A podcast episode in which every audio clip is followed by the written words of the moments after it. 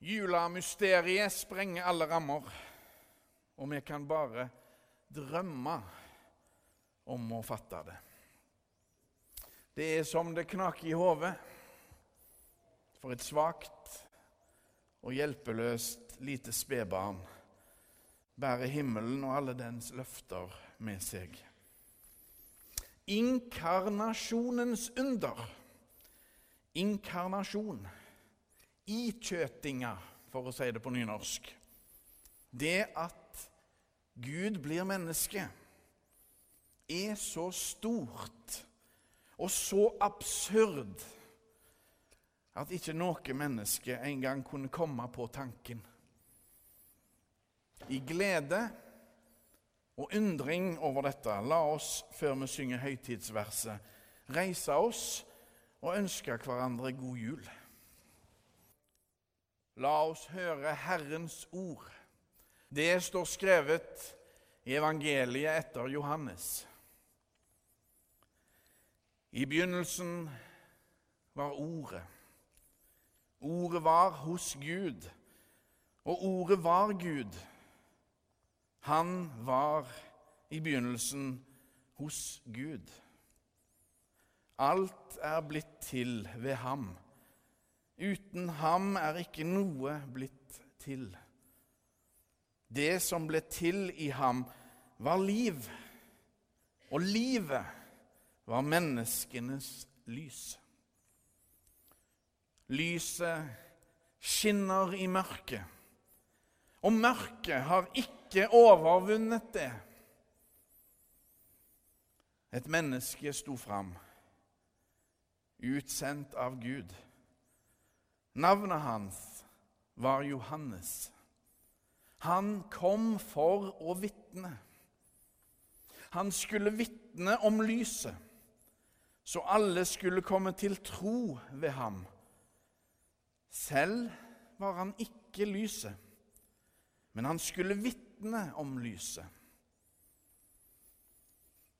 Det sanne lys, som lyser for hvert menneske kom nå til verden. Han var i verden, og verden er blitt til ved ham. Men verden kjente ham ikke. Han kom til sitt eget, og hans egne tok ikke imot ham. Men alle som tok imot ham, dem ga han rett til å bli Guds barn. De som tror på Hans navn, de er ikke født av kjøtt og blod, ikke av menneskers vilje og ikke av manns vilje, men av Gud. Og Ordet ble menneske og tok bolig iblant oss. Og vi så Hans herlighet, en herlighet som den enbårne sønn har fra sin far, full av nåde og sannhet.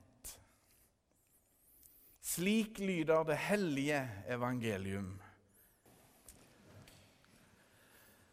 Det var en ganske rare opplevelse. Den siste helga jeg hadde i Oslo nå i høst. Da gikk Siri og jeg til gudstjeneste i Slottskapellet. Hotellet vårt lå like i nærheten, og vi hadde vært der før. For de som ikke vet det Slottskapellet ligger i sjølve Slottet. Og en går inn på høyre side av bygningen når en ser Slottet forfra og kommer fra Karl Johans gate. Og så er det vanligvis studentmenigheten i Oslo som feirer gudstjeneste der. Studentene fikk bruke Slottskapellet under forutsetning av at liturgien var på nynorsk. Befalingen fra kong Haakon i sin tid, kong Haakon den 7., var et tydelig innspill i den ganske så harde målstriden i sin tid. Det er et nydelig kapell. Og vi trodde at vi visste hva vi gikk til. Da vi kom inn i kapellet, var det ingen som svarte tilbake oss da vi hilste god søndag. Men vi begynte virkelig å stusse da jeg gikk for å hente salmebøker til oss. For jeg fikk klare beskjed om at det trengte vi ikke.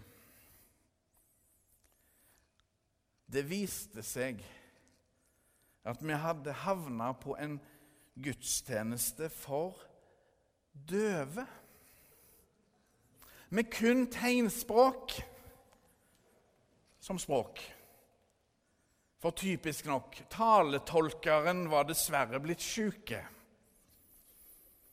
For å si det enkelt Det var en ganske så stille gudstjeneste vi var med på. Se det for dere, eller hør det for dere. Johannes-prologen, altså innledningen av evangeliet etter Johannes, er tydelige på at den kraften som vi kaller Gud, virkelig vil oss vel. Den har strukket seg så langt og gått så dypt som bare kjærligheten i sin godhet kan. Juledag dreier seg om Jesus Kristus. Og de mektige ordene i begynnelsen av Johannesevangeliet understreker de store og djupe linjene i vår tro på Jesus. Johannesprologen har hele evangeliet i seg. Alt som kommer siden i beretningen om Jesus, er allerede blitt sagt i disse få versene. Og disse innholdsrike setningene etterlater seg et enkelt budskap. Men alle som tok imot ham, dem ga han rett til å bli Guds barn. De som tror på hans navn. Det gjelder å tro på Jesus, ha tillit til han. Han som i praksis viser oss hvem Gud er.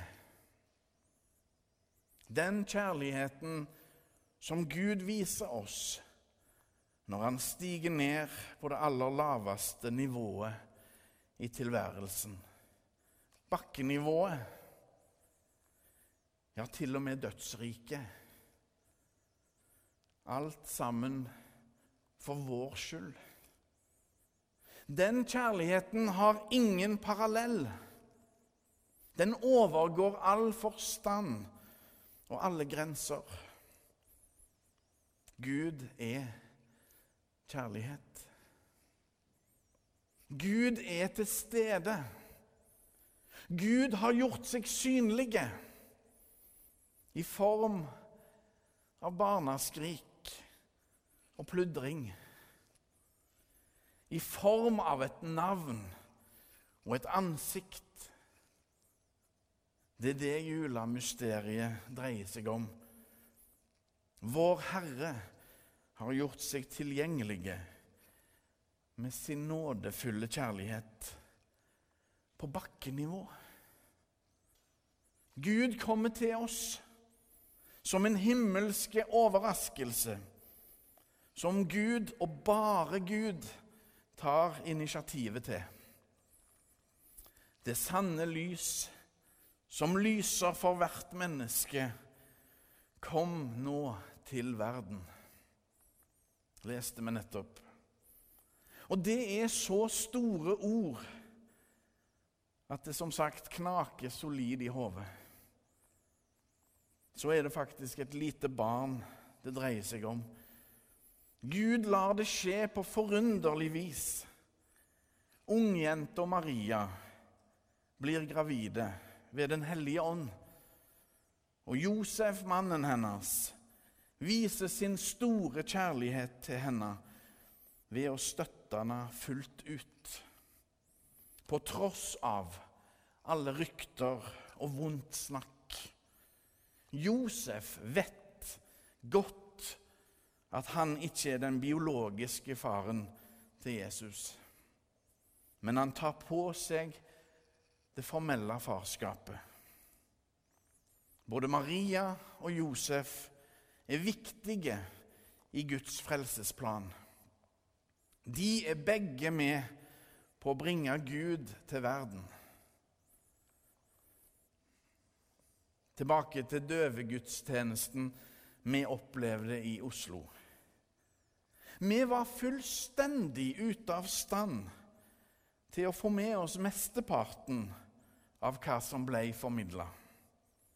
Bare de to-tre gangene et barnekor sang med playback, og en pianist spilte lite grann, var det noe som kunne høres.